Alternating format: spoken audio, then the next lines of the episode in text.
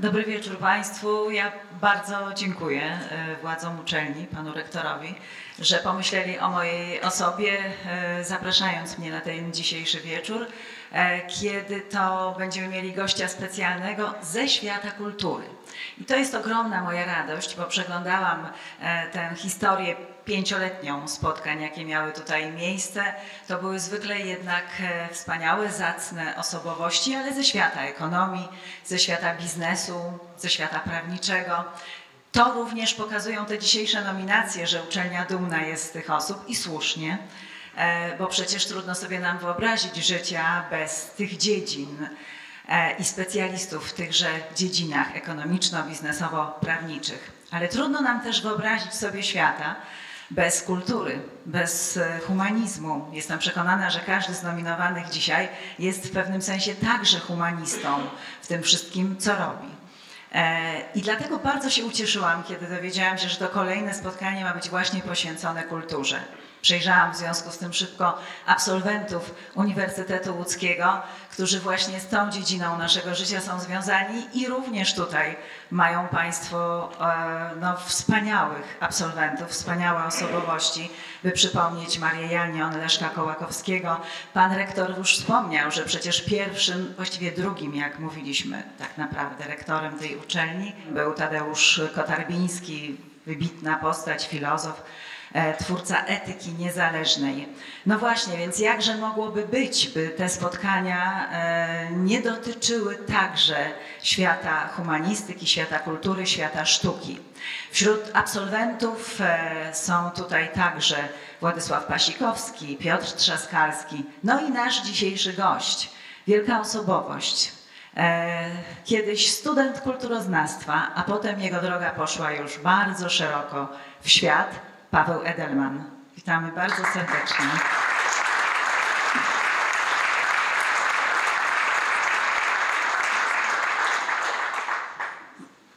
Dobry wieczór Państwu. Tak nie wiem, gdzie się ustawić, jak się Wam pięknie pokłonić. Pana redaktora, pana Paweł zaprosimy tutaj. Tak, zamieniamy się. Paweł Edelman, e, tak jak powiedziałam, proszę Państwa, e, student kulturoznawstwa, który rozpoczął tutaj swoją drogę, właściwie mogę powiedzieć artystyczną, e, bo potem przecież e, stał się znanym dziś na całym świecie autorem zdjęć filmowych, nagradzanym, uhonorowanym wieloma prestiżowymi nagrodami. Trudno je wszystkie wymienić, ale, ale to jest to jest autor zdjęć filmowych, bez którego nie wyobrażamy sobie dzisiaj filmów Andrzeja Wajdy, filmów Romana Polańskiego, e, także Jerzego Sztura. E, filmów, które przeszły do historii i w tej historii polskiego i światowego e, kina pozostaną. My oczywiście o konkretnych tytułach za chwilę będziemy rozmawiać, natomiast chciałabym powiedzieć, że taki tytuł, jaki pan dyrektor zresztą mnie poprosił, żebym wymyśliła tego naszego spotkania, Pawle, to ja uwielbiam właśnie takie pytania. Pani Grażyna, jaki będzie tytuł e, tej rozmowy? No ale rozumiałam, że trzeba to jakoś, e, jakoś określić i pomyślałam o takim tytule pytaniu, mianowicie wykształcenie humanistyczne drogą do swobodnego rozwoju. Bo wyobraziłam sobie Ciebie, Pawle, jako właśnie studenta, studenta kulturoznawstwa, który przyjeżdża, nie, nie przyjeżdża, bo ty się urodziłeś w Łodzi, tak, tak który tak, podejmuje tutaj studia i w którym momencie e, ty, ty wiedziałeś, że chcesz, żeby to było kulturoznawstwo i dlaczego, żeby to było właśnie, żeby to był ten wydział? No to, jest, to jest złożone pytanie. Ja przede wszystkim e, zostałem humanistą w pewnym sensie już w liceum. Miałem fantastycznego ucznia. Tutaj pani wspominała o takich ludziach, którzy są dla naszego rozwoju istotni. Mm, to był profesor Szymaniak, pamiętam go do dzisiaj, który nas fantastycznie uczył właśnie języka polskiego. I nauczył mnie tego języka tak dobrze, że e, startowałem na Olimpiadzie Literatury i Języka Polskiego. Tam zająłem drugie miejsce i nie musiałem zdawać egzaminu na studia. Chodziło mi trochę po głowie, żeby się dostać do szkoły filmowej, ale poczułem, że może w związku z tą sytuacją, że nie muszę zdawać egzaminu, to pójdę właśnie jeszcze troszkę postudiować, pouczyć się, przygotować, poczytać książki, bo, bo wydawało mi się, że to jest najfajniejsze, co można zrobić. I dlatego właśnie wybrałem to kulturoznawstwo. Ale potem y, specjalizowałeś się w teorii i historii filmu, prawda? Tak, tak, bo ten film w związku z tym, że Łódź Łódź filmowa. specjalnym była miastem i chyba jest ciągle. To było takie miasto, w którym była wytwórnia filmów fabularnych, czyli właściwie taka naj, największa wtedy instytucja produkująca filmy. No i była też szkoła filmowa. Więc trudno było tutaj mieszkać i nie marzyć o tym, żeby robić filmy. Więc ta, ten film gdzieś mi tam yy, ciągle, ta, ta, ta, ta myśl o tym, że będę robił filmy, gdzieś mi przybłyskała z tyłu głowy. No tak, ale wiesz, y, y, bo ja mówię o tobie, autor zdjęć filmowych, bo ty jesteś autorem. E, Natomiast w takim powszechnym rozumieniu y, często się mówi operator filmowy. I takie określenie operator filmowy kojarzy się z techniką, z taką techniczną działalnością. Operator filmowy, no dobrze, jest film, jest reżyser, e, jest całe grono e, ludzi, którzy, którzy muszą mieć bardzo mocny background związany czy to z historią kostiumu, historią scenografii, e, historią sztuki, najogólniej mówiąc. E, I ty po tym kulturoznawstwie idziesz na wydział operatorski. Co powoduje, że wybierasz taki właśnie wydział? Czy też, mm, nie wiem, chciałeś iść na reżyserię, ale w ostatniej chwili zmieniłeś zdanie? Dlaczego właśnie wydział operatorski? O, to jest jak, jak zwykle w życiu mnóstwo rzeczy się dzieje trochę na drodze przypadku.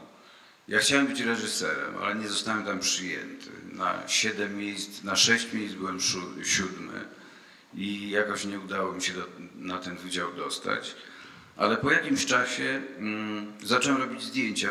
W wyniku przypadku mój brat dał mi aparat fotograficzny, który był takim jakimś prościuteńkim japońskim aparacikiem, który robił wszystko sam.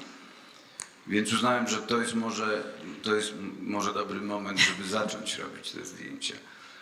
I, i to strasznie mnie wciągnęło. To, to fotografowanie okazało się być y, dla mnie jakąś gigantyczną radością i pasją. I tam za następnym sezonem egzaminacyjnym zmieniłem już y, kierunek studiów, do, o, o którym myślałem i, i dostałem się na Wydział Operatorski. Także trochę przypadki. Ale nie żałowałeś tego w żadnym momencie. Nie, nie, kompletnie nie żałowałem, bo robiąc te zdjęcia, a potem robiąc już filmy w szkole, e, poczułem, że to jest, e, to jest właśnie to, co powinienem robić, że to jest to, to moje zajęcie, bo, bo robię je e, bez żadnego lęku, z dziką radością.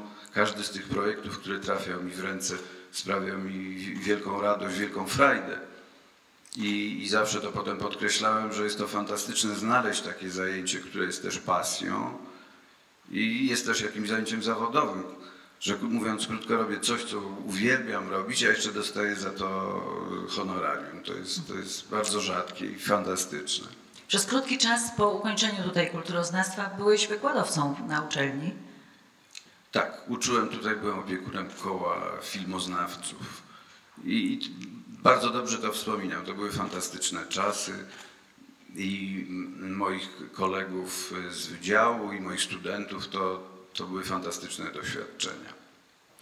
Ty masz ogromny, ogromną wiedzę e, humanistyczną, ogromną wiedzę filmową, także z historii filmu. Wyobrażam sobie, że takie spotkanie mm, e, takiego e, te, autora zdjęć filmowych dla Andrzeja Wajdy, dla Romana Polańskiego, to to, są, to jest spotkanie, którego oni nie zamieniliby na spotkanie z nikim innym albo z niewieloma innymi. Dlaczego? Dlatego, że tu musi nastąpić bardzo swoisty dialog właśnie na temat sztuki, którą chcecie zrealizować i historii, którą chcecie opowiedzieć. Bo sztuka filmowa, to co ją odróżnia troszkę od sztuk innych, to jest to, że na jej sukces składają się właśnie te inne sztuki, te inne dziedziny sztuki, że na planie filmowym musi się spotkać grono ludzi, z których każdy jest artystą w swojej dziedzinie, ale jednocześnie muszą pracować na tę jedną historię, która musi być opowiedziana. Więc e, moje pytanie, e, jak, e, jak pracuje Ci się z reżyserami, jak pracowało Ci się z Andrzejem Wajdą, z takim reżyserem jak Roman Polański czy inni, gdzie ta Twoja wiedza e, mogła być uszanowana i wykorzystana i Ty czułeś się rzeczywiście też współtwórcą w sensie artystycznym, kreatywnym e, filmu. E, my tutaj w Polsce, może w ogóle w Europie, mamy taką tradycję, że operator jest współtwórcą filmu, że jest najbliższym partnerem reżysera. I tego zwyczaju nie ma na całym świecie. Na przykład w Stanach nie do końca tak jest właśnie. W Stanach bardziej operator jest y, pracownikiem technicznym, właśnie operatorem filmowym, jak powiedziałeś. Więc my tutaj w szkole filmowej byliśmy przygotowani do takiej roli. Y, nasi profesorowie w szkole, w szkole filmowej wielokrotnie podkreślali, że naszym y, zadaniem jest właśnie współtworzenie koncepcji filmu, nie tylko wykonanie zdjęć, ale też bycie partnerem dla reżysera, y, omawianie z nim kwestii scenariuszowych, kwestii dotyczących scenografii, kostiumów, tego wszystkiego, co składa się na ten finalny efekt. Także wydaje mi się, że mm, z jednej strony oczywiście dobrze jest taką mieć bazę i taką podbudowę filologiczną czy humanistyczną, ale z drugiej strony też zainspirowali nas nasi profesorowie y, ze szkoły filmowej do takiego pojmowania naszej roli. No ja rozumiem, ale też e, w związku z tym dla Ciebie musi to być satysfakcja i frajda, bo też nie wyobrażam sobie, żebyś mógł po prostu pracować jako operator. E, że musi dla Ciebie być ważne to, jak, e, jak dalece Ty, nawet nieważne, my się, wydaje mi się, że robisz to nawet w sposób instynktowny. To znaczy gdzieś ta, ta, ta Twoja to Twoje wejście w świat y, danego projektu e, musi być bardzo kreatywne i ta współpraca z reżyserami prawdopodobnie już jest na bardzo wczesnym etapie, prawda? No, miałem takie szczęście, że pracowałem z naprawdę wielkimi reżyserami i pracowałem z nimi zawsze wielokrotnie. Zawsze ta nasza współpraca przynosiła ciekawe efekty. Wydaje mi się, że sprawiała nam zawsze obopólną przyjemność. Także nie mam takich złych doświadczeń, żeby, ktoś traktował mnie tylko w, jako takiego technicznego człowieka, który ma wykonać dobre zdjęcia i cześć. Także mm, wydaje mi się to naturalne, że jesteśmy pełnoprawnymi partnerami artystycznymi. Weźmy na przykład e, dwa tytuły z, e, z, z, z, Andrzeja, z filmów Andrzeja Wajdy, które różnią się zupełnie od siebie, e, gdzie, gdzie no musieliście i ty musiałeś też wejść ze swoją całą wiedzą właśnie nie tylko na temat tego, jak ustawić kamerę, jak zaświecić, jakiego obiektywu użyć, ale także ze swoją wrażliwością, wrażliwością humanisty. Jeden film to jest e, e, Pan Tadeusz, a drugi film to jest Katyń. Więc ja prosiłabym Ciebie, żebyś na przykładzie tych dwóch tytułów powiedział, jak szeroki musi być e, wachlarz umiejętności, jak szeroka musi być wiedza autora zdjęć filmowych. Wiesz, to są kompletnie różne filmy. No jak, dlatego je... Jak, jak doskonale po, wiesz, po, po, dlatego pokazałam je jako Twoje dzieła. Mm, tak. Muszę wrócić generalnie y, pamięcią do, do dawnych czasów. Y, Pan Tadeusz to był właściwie 2000 rok, albo nawet jeszcze troszkę wcześniej. To był mój drugi film z panem Andrzejem, z Andrzejem. I to był film gigantyczny jak na tamte czasy. Wiedzieliśmy, że to jest epopeja narodowa. Wiedzieliśmy, że to jest film, który będzie wymagał szerokich planów, fantastycznych dekoracji, sfilmowania scen zbiorowych. Wiedzieliśmy też, że e, to powinien być film barwny, że to powinien być film słoneczny. I jakby ta, e, ta ogólna wizja, ona się każdego dnia zdjęciowego przekłada na jakieś drobne decyzje i te drobne decyzje mają już charakter troszkę bardziej techniczny. Wiedzieliśmy, że chcemy zrobić coś, co będzie skrzyło się kolorami i będzie atrakcyjne wizualnie dla widza i będzie współgrało z tym fantastycznym, skrzącym się językiem, którym wiersza Mickiewiczowskiego. Jeśli chodzi o jakieś bardziej szczegółowe ustalenia, to w tej chwili sobie nie przywołuję. Oczywiście praca nad filmem to to są godziny spędzone na dokumentacjach, to są godziny spędzone na analizie tekstu, zastanawianie się wspólne z reżyserem, jak daną scenę sfilmować, gdzie postawić kamerę. Mm, I to są te w sumie niezwykle przyjemne momenty i, i takie momenty, których będzie mi strasznie brakowało. Brakuje mi takich spotkań i takich rozmów z Andrzejem. Natomiast y, Katyń wiedzieliśmy, że to jest zupełnie inny świat, że to jest świat szary, świat zimowy, świat y, taki od, odsączony z koloru, świat bardzo dramatycznych wydarzeń. I wiedzieliśmy, że musimy to kompletnie inaczej fotografować, kompletnie inaczej oświetlać, kompletnie inaczej inscenizować. No właśnie, ale to, co mówisz, już świadczy o tym, że e, e, ta analiza z jednej strony jest analizą, która tak wymaga, powiedziałeś już potem, technicznych ustalenia, jakimi środkami dojść do tego, co chcecie, żeby tu się iskrzyło barwami, a tu, żeby było mrocznie. E, ale to już, jak mówisz, świadczy o tym, że trzeba mieć też ogromną wrażliwość na historię, którą się opowiada, wrażliwość na tych na tych bohaterów, których musisz przedstawić. I tu znowu wracam do Twojego wykształcenia, bo wydaje mi się, że ono ma fundamentalne znaczenie dla faktu, jakim Ty, Paweł Edelman, jesteś autorem zdjęć filmowych. E, kultura, którą, którą się wzbogacamy, wiedza nasza na temat sztuki, e, obcowanie z, ze sztuką, z, z kulturą powoduje, że my też, nie wiem czy się zgodzisz ze mną, jesteśmy bardziej świadomi samych siebie, że to wszystko pozwala nam poznać lepiej samych siebie, że stajemy się też ludźmi bardziej otwartymi, e, potrafimy dostrzec, in, dostrzec inność, potrafimy być też bardziej tolerancyjni. To jest strasznie istotne, bo to powoduje, że jesteśmy też otwarci na dialog. Ty jako artysta jesteś wtedy otwarty na dialog ze mną, jako z odbiorcą. A ten dialog pomiędzy artystą a odbiorcą jest w ogóle fundamentem dla zaistnienia e, żywej kultury i żywej sztuki. Zgadzasz się z tym? Tak, oczywiście.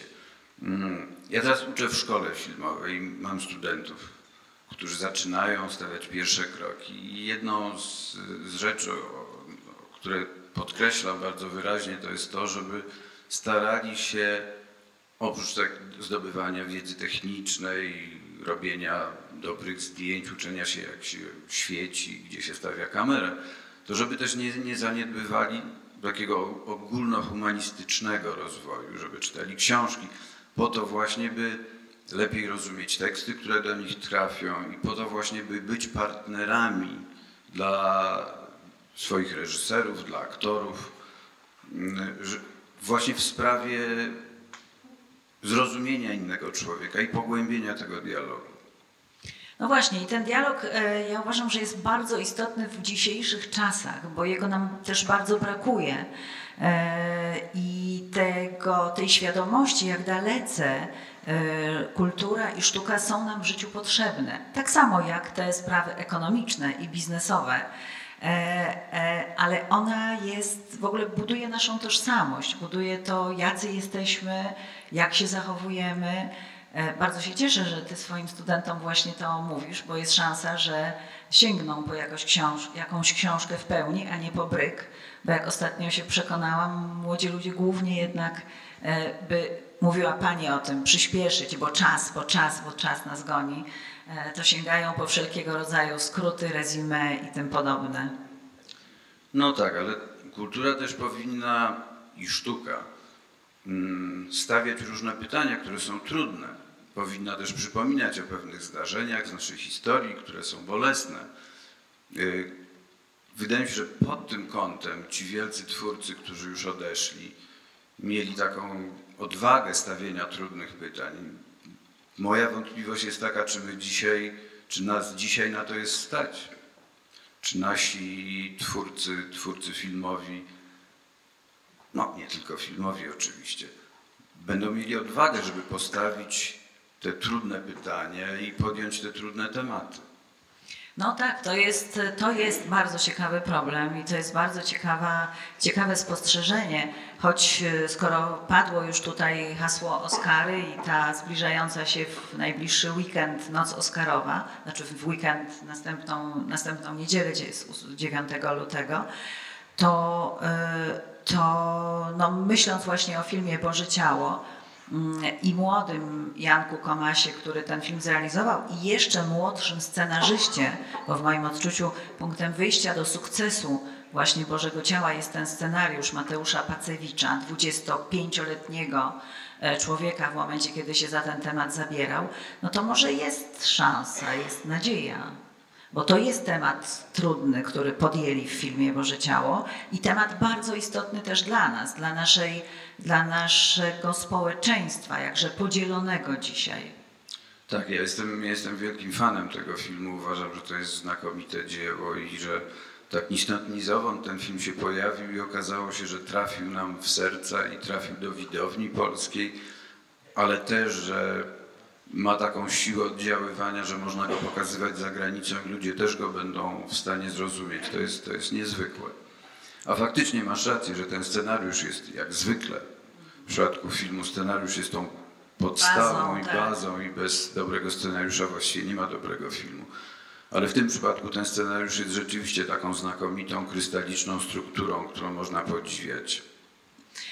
E, wspomniałeś o tych ważnych pytaniach, które się stawia. Ty też miałeś to e, szczęście, ale też dokonałeś tych wyborów że zrealizowałeś wspólnie z innymi filmy, które takie właśnie pytania ważne e, stawiały i dla naszej historii i stawiają one już w tym, e, w tym dorobku e, kinematografii światowej pozostaną. Myślę o pianiście w filmie Romana Polańskiego, za który otrzymałeś wiele nagród, byłeś nominowany do Oscara. To jest właśnie takie kino. I teraz, żeby zrobić klamrę, pianista i ostatni zrealizowany twój z e, Romanem Polańskim film Oficer i szpieg. Znowu temat bardzo ważny. Niby gdzieś tam historia Dreyfusa, ale jakże okazuje się rezonująca e, z tym, co dzieje się dzisiaj, prawda? We współczesnym świecie, w Europie, także u nas. Manipulacja sądami, e, manipulacja wyrokiem na potrzeby chwili, na potrzeby E, polityczne, e, no bo tak to było w wypadku historii e, Dreyfusa. Mm, masz poczucie, że jesteś częścią, bardzo ważną częścią historii w ten sposób? Kultury? No może się wywinę jakoś od tego pytania i, i może powiem coś takiego, że być może to moje wykształcenie uniwersyteckie i takie humanistyczne, nazwijmy to, ono mi kazało właśnie tak patrzeć na moją karierę w pewnym sensie. Y, z takiego punktu widzenia, żeby jednak starać się robić filmy, które będą sensowne, żeby robić filmy, które podnoszą jakieś istotne zagadnienia, żeby nie robić filmów, które są głupie.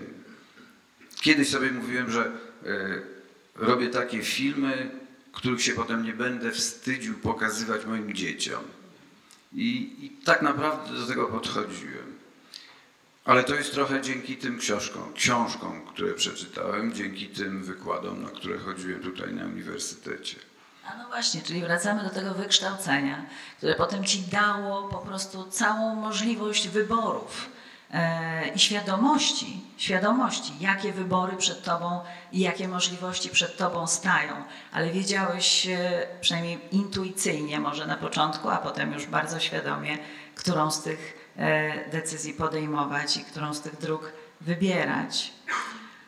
No tak, i to dzięki tym dzieciom też. Mówiliśmy, mówiliśmy o e, Dreyfusie i o filmie Oficer i Szpieg. On ma teraz 12, jak się dowiedziałam, nominacji do Cezara.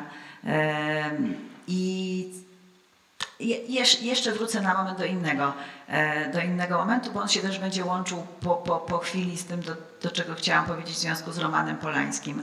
Mianowicie e, wszystko zaczęło się od Twojej właściwie współpracy z Władysławem Pasikowskim, bo pierwszy sukces, kiedy my, widzowie, zobaczyliśmy coś nowego w polskim kinie, to był najpierw Kroll, e, to był, to był Twój debiut, taki duży? Nie, ja wcześniej zrobiłem taki mniejszy film, y, trochę telewizyjny z Piotrem Mikuckim. A tak. telefon. A to był mój drugi film. Kroll. Drugi, Kroll. Ale to był świetny film. E, a potem zrobiliście razem Psy w 1992 roku. Psy y, z Władysławem Pasikowskim, Paweł Edelman pokazali nam nagle kino w tych latach 90., które było absolutnym zaskoczeniem. Zaskoczeniem również dlatego, że były tam sceny, zwłaszcza jedna, z którymi e, nie bardzo, e, nie wszyscy potrafili sobie poradzić. I przywołanie tamtej sytuacji też jest dobre, żeby powiedzieć o tym, do czego, co ty zaakcentowałeś. Czy, czy reżyserzy będą mieli odwagę i ważne, żeby mieli odwagę podejmować trudne tematy. Myślę o scenie, słynnej scenie, kiedy e, pijani esbecy wynoszą swojego kolegę, kompletnie nieprzytomnego pod wpływem alkoholu, śpiewając Janek Wiśniewski padł. Pamiętają Państwo doskonale tę scenę. I ta scena wzbudziła nieprawdopodobne kontrowersje. E, środowisk, które uważały, że jest to absolutne zbezczeszczenie symbolu, jakim była właśnie ta pieśń, jakim był ten symboliczny Janek Wiśniewski, bo odnosiło się to do autentycznych wydarzeń. No i właśnie, i to pokazało, jak e, trudno jest czasami poprzez sztukę dotrzeć e, z tym, co jest istotą tej sceny, bo dlaczego użyliście właśnie tego utworu, właśnie tej piosenki, właśnie w tej scenie? No to już kulturoznawcy i filmoznawcy to ja powiem, Dlatego użyliście, żeby pokazać, jak bezduszni, jak bezmózgowi byli ci, którzy e, e, użyli tej piosenki, czyli SBC krótko mówiąc.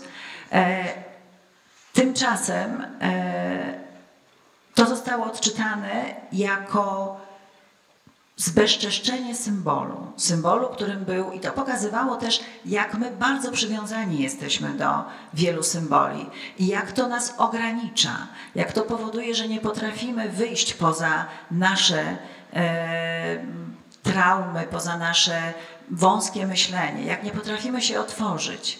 Myślę, że dzisiaj to jest podobny problem z wieloma sytuacjami. E, taką sytuację przeżywaliśmy też tutaj e, w Łodzi, kiedy przyjechał Roman Polański właśnie na premierę tutaj łódzką filmu Oficer i Szpieg. Jak ty o tym myślisz? Jak ty myślisz o nas, Polakach, w takim właśnie kontekście? No wiesz, jesteśmy trudnym narodem, to nie ulega kwestii.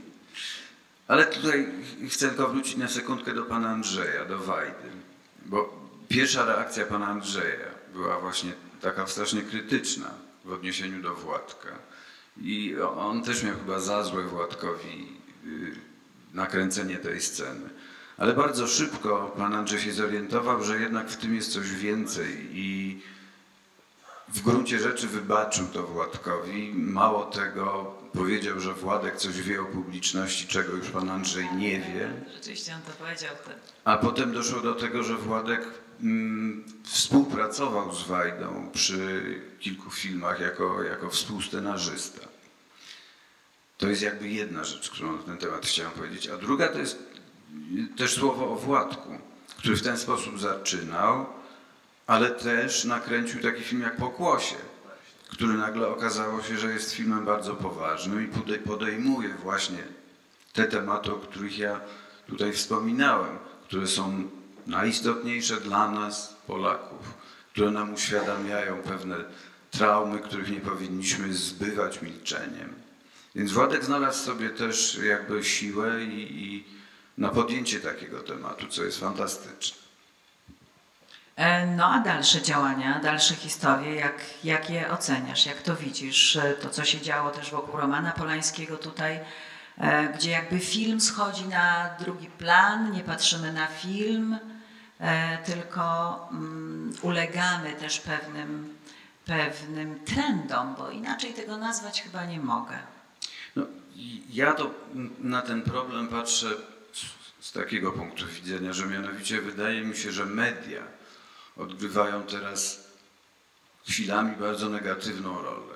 I, i cały ten kryzys związany z wizytą Romana tutaj w Łodzi, to był kryzys kreowany też przez media, które w sposób strasznie selektywny relacjonowały te zdarzenia, które tutaj miały miejsce, które podkreślały wyłącznie te, te zdarzenia negatywne. I wydaje mi się, że ten brak obiektywizmu mediów jest jakimś gigantycznym zagrożeniem. Także wydaje mi się, że to właśnie media są współodpowiedzialne za, za te złe rzeczy, które tu się zda, zdarzyły.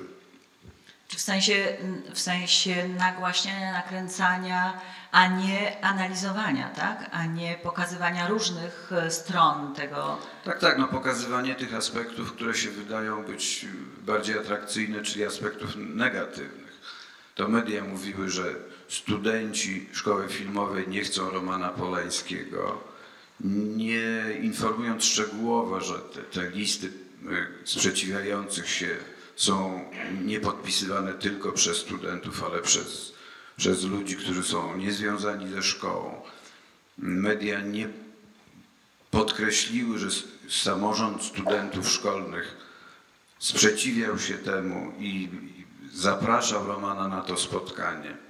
Media na przykład poinformowały, że e, gwiazda na Piotrkowskiej, gwiazda Romana Polańskiego została oblana czerwoną farbą, natomiast nie poinformowały, że tego samego wieczoru studenci szkoły filmowej umyli tę gwiazdę, więc wydaje mi się, że to jest strasznie nieobiektywne.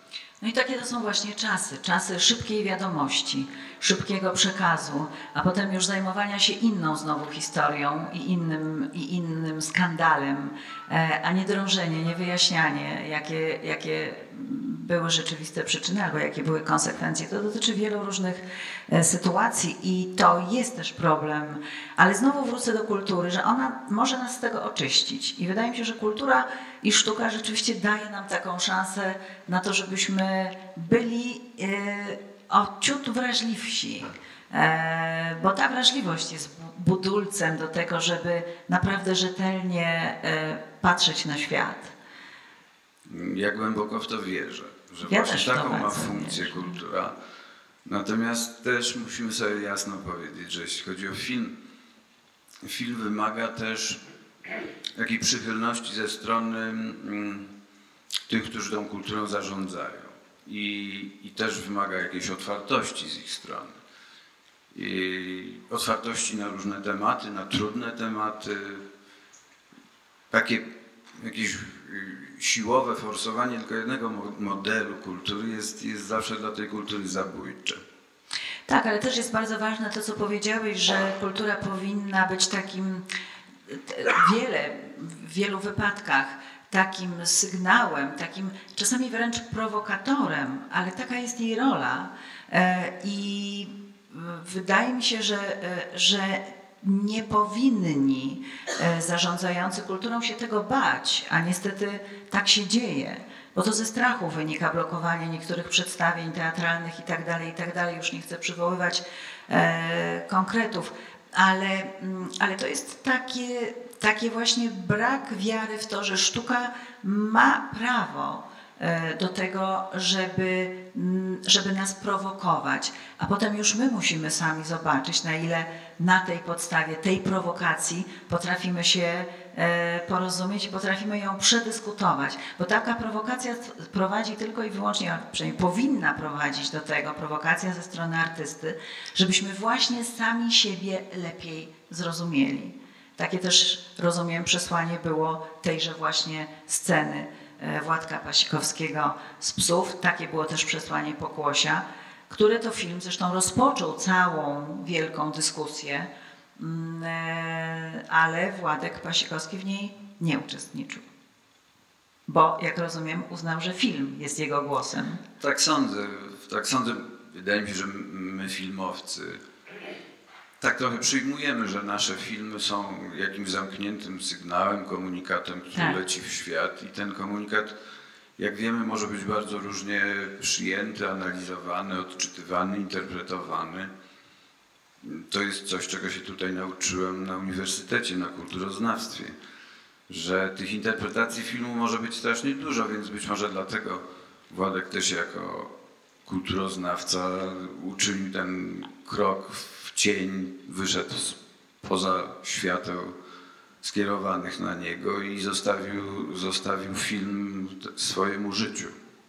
Sztuka filmowa jest cudowna, dlatego że sztuka filmowa daje nam, e, widzom, a również i Wam, twórcom, myślę, e, takie pole do tego, żeby nieprawdopodobnie móc odnaleźć w niej coś, co nas zaintryguje, coś, co nas zainteresuje. Coś, co spowoduje, że nagle zaczniemy się interesować e, na przykład malarstwem, e, choć nie było ono w kręgu jakichś naszych bliskich e, fascynacji do tej pory. E, to się dzieje naprawdę wtedy, kiedy oglądamy wielkie filmy, takie jak e, robił Paweł Edelman, taki film jak Powidoki, jak właśnie Pianista, jak e, Katyń, jak Oficer i Szpieg i wiele, wiele innych. Powidoki to też specyficzny film, bo tu realizowany w Łodzi, bo opowiadający o artyście właśnie stąd, o Władysławie Strzemińskim. E, I to też taki film, który właśnie to, co mówię, nie znałeś Strzemińskiego, to jak obejrzysz po widoki, to będziesz ciekawy po prostu. Ciekawa, ciekawy, co to był za artysta. I tak poszerza się Twoja wiedza. E, obejrzysz Tatarak i e, nagle pomyślisz zaraz, ale co to jest za ujęcie Krystyny Jandy w tym pokoju? Coś, co jakby wydaje się dodatkiem do tataraku.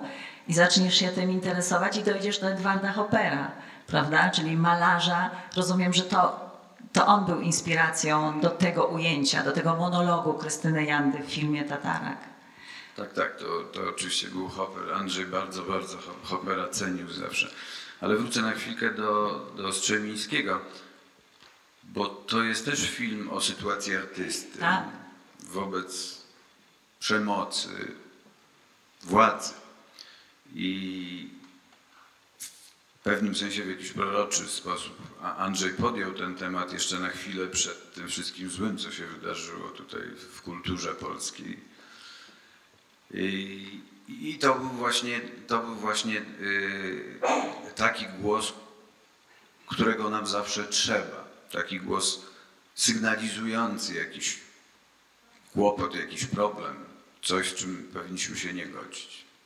Tak, to był film, który y, nie tylko ten jeden był w pewnym sensie proroczy, bo ja uważam, że wy artyści macie po prostu intuicję, że coś jest takiego, co was, nie wiem, gdzieś wyprzedzacie ogólnospołeczne nastroje i potem się okazuje nagle, że o jest, Proszę bardzo, jest coś takiego, e, a przecież nie mogliście wiedzieć, nie mogliście przewidzieć. To można podskórnie czuć, ale nie można wiedzieć, że na przykład właśnie powidoki, to jak został pokazany, jak pokazana została dola, a właściwie niedola artysty, jego tłamszenie, jego wolności przez system, e, jak to zostało pokazane. Wszyscy się dziwili, dlaczego Wajda nagle robi ten film, prawda?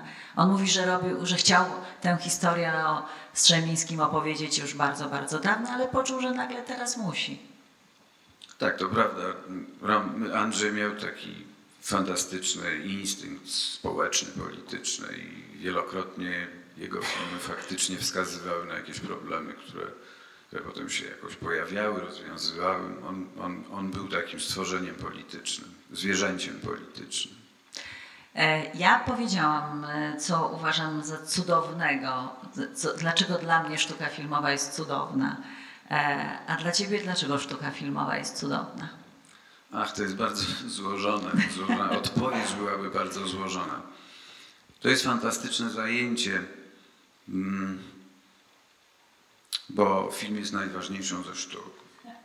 Bo, bo film jest jakąś taką magią, w której mamy szansę uczestniczyć. To jest też uczestniczenie w jakimś takim świecie, który na krótko powstaje, trwa pół roku i który nas gdzieś zabiera w jakieś nieznane regiony, rejony, uczy nas jakichś nowych tematów, pozwala nam spotykać ludzi, których byśmy inaczej nie spotkali.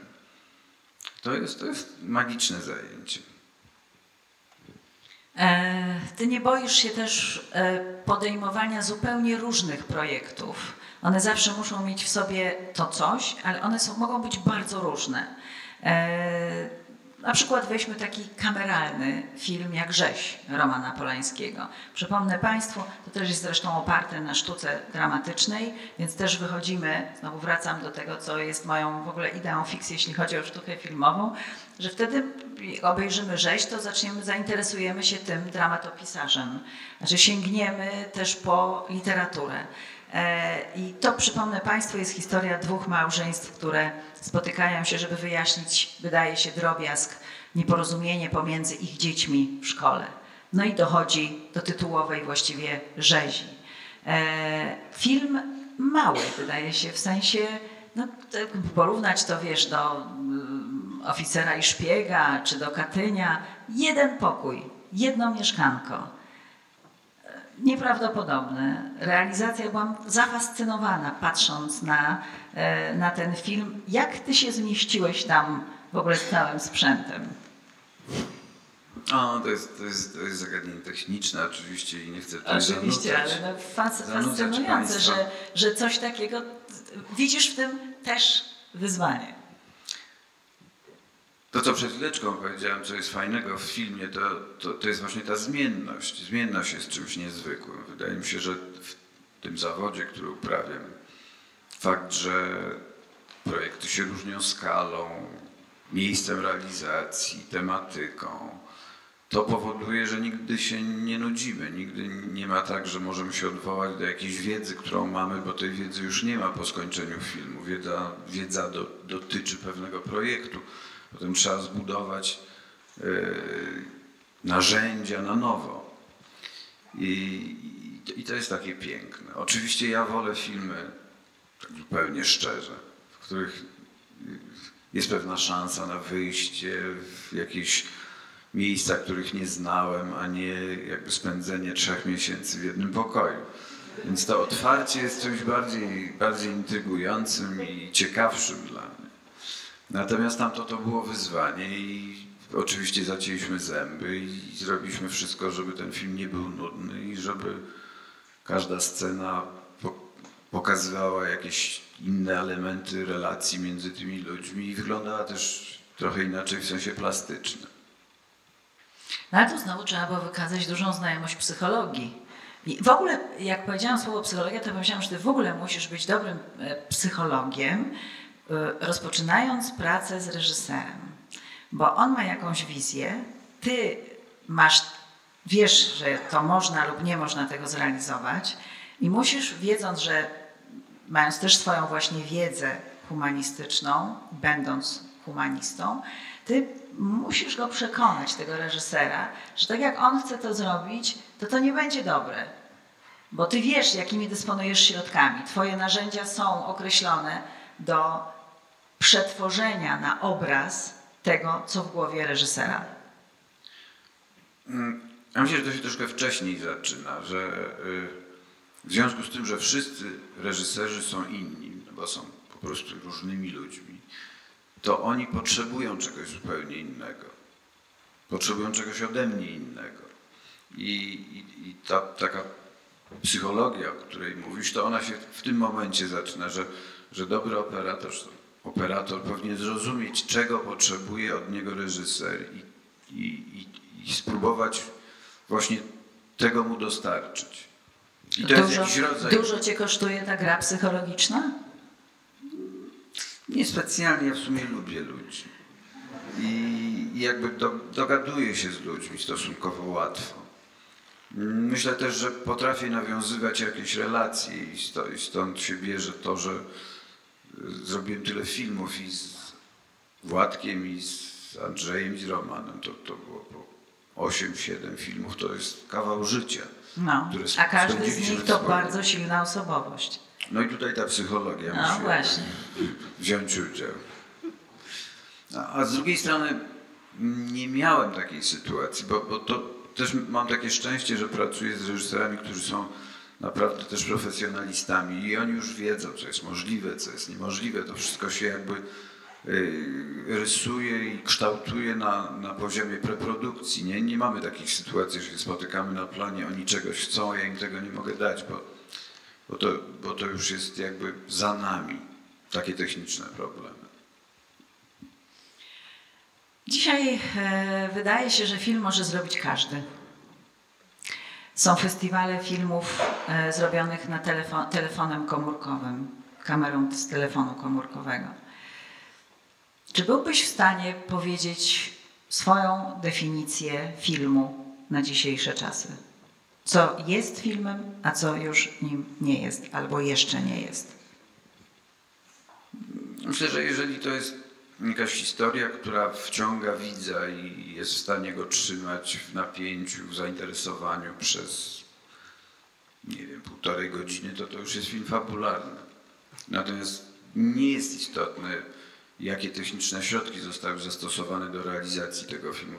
Z mojego punktu widzenia to jest kompletnie nieważne. I rzeczywiście widziałem filmy robione telefonem komórkowym i, i nie widzę z tym żadnego kłopotu. Nie mam też problemu z tym, że część z filmów jest pokazywanych w kinach, a część tylko na tych platformach telewizyjnych.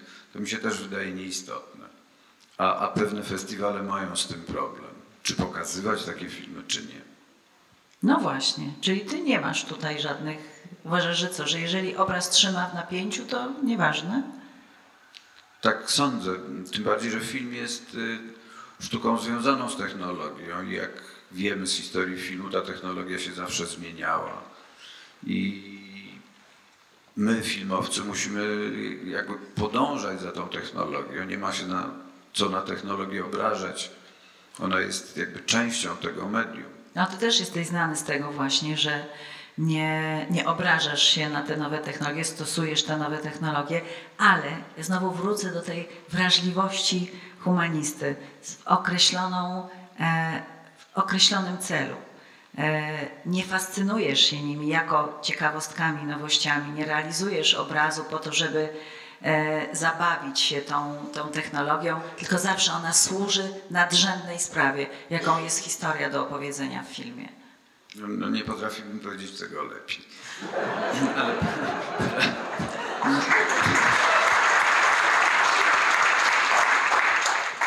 Ale prawdą jest, że technologia mnie nie, nie, tak strasznie nie, nie fascynuje. Może dlatego, że jestem humanistą w gruncie rzeczy. A no właśnie. I te wszystkie cyferki, kabelki, te, te rzeczy są, są dla mnie trudne zawsze. Więc ja to traktuję, że narzędzie, to, to, kamera jest czymś takim, co ja dostaję w rękę i nie, nie do końca muszę wiedzieć, co tam w środku jest. Bardzo Ci dziękuję. Bardzo Ci dziękuję za te wszystkie filmy, które zrobiłeś i które mam nadzieję jeszcze zrobisz. Właśnie za Twoją wrażliwość, za Twój wielki humanizm, jaki jest w Tobie. E, no i w związku z tym dziękujemy Uniwersytetowi Łódzkiemu, że był taki Wydział Kulturoznawstwa, który wykształcił takiego absolwenta jak Paweł Edelman. Strasznie dziękuję za te miłe i ciepłe słowa, na które nie zasłużyłem. Dziękuję. Dziękuję bardzo.